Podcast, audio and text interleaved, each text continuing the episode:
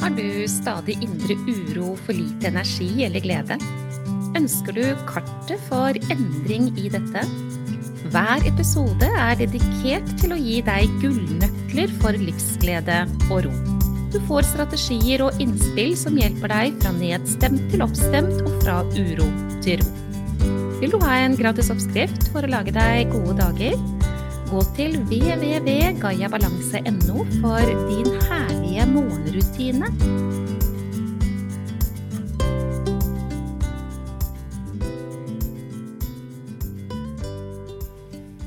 Denne episoden den skal handle om den helt nødvendige balansen mellom gjøre og være. Og du, jeg har en eh, litt alvorlig inngang akkurat nå. Men dersom du ikke sørger for tilstrekkelig balanse mellom gjøre og være, så vil du til slutt få en veldig effektiv hjelp med dette.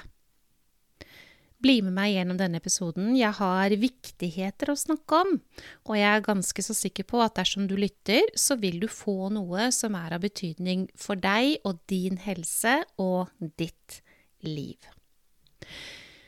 Jeg vet ikke hva som er din erfaring i forhold til dette med å gjøre og gjøre og gjøre, men uh, det er nå engang sånn at uh, i vår tid så er vi veldig, veldig uh, hva skal jeg si, begeistret for alle de menneskene som får til, som presterer, som gjør, som mestrer, som får til både det ene og det andre, som ikke sier nei, men som sier ja, og som lykkes lykkes, og som virkelig Ja, altså vi, har, eh, vi har en forkjærlighet til å ønske alt som er liksom veldig effektivt og veldig fantastisk og veldig gjøre, gjøre, det, det er det beste av best. Og jeg er ikke så sikker på om det er eh, så veldig fornuftig, egentlig. Men jeg har lyst til å skru tiden ganske så langt tilbake. Jeg har lyst til å invitere deg til å se på hvordan vi tilnærmer oss små barn når de får til noen ting? Er det ikke sånn da at vi har litt lett for å si 'Å, nå var du flink', 'Se hva du har gjort', 'Nei, så fint du rydda opp for mamma nå', 'Ja, så flink du var til å sette asjetten i, i oppvaskmaskinen', 'Nei, så flink du var som uh, huska på ditt og huska på datt', 'Nei, nå har du jammen vært flink'.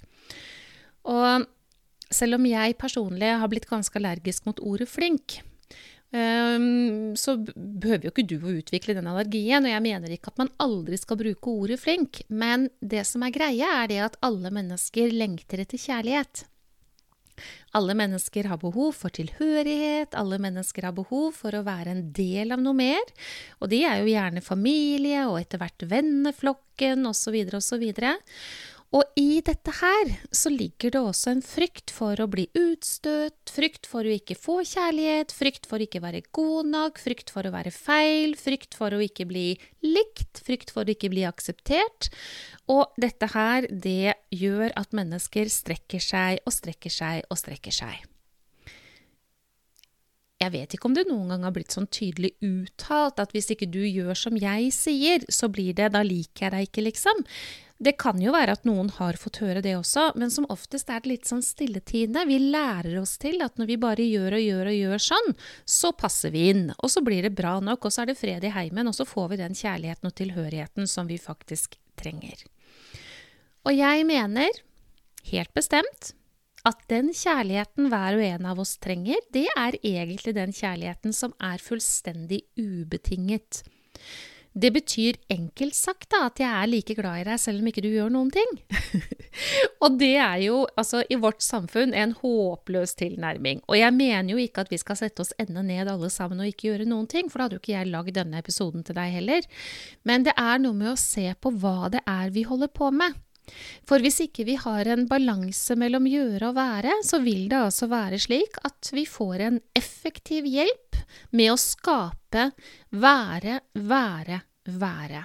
Og alle de menneskene som blir så syke av stress at de går på den berømte veggen og det bare smeller, og det gjør det, det smeller virkelig, det kan være hardt og skikkelig brutalt, ja, de ender jo opp med å ikke ha muligheten til å gjøre noe som helst.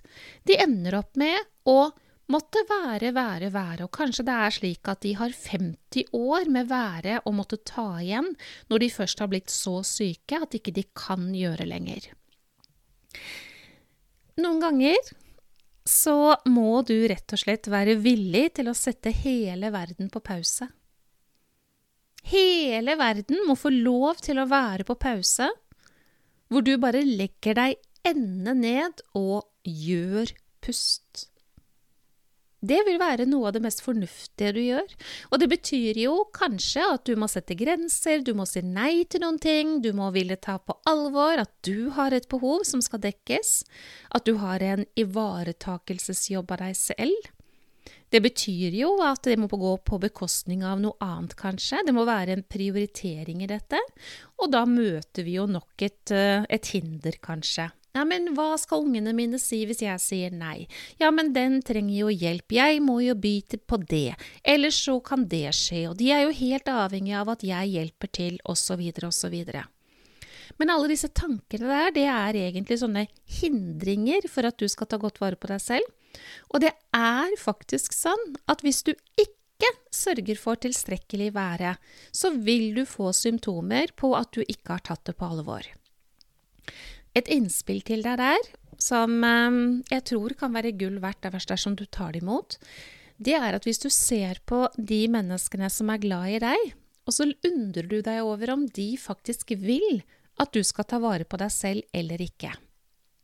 Og hvis du kommer frem til at jo, det vil de jo, de vil jo at du skal ha det best mulig i eget liv, ja, så vil det ikke lenger være vanskelig for deg å sette en grense i forhold til disse menneskene.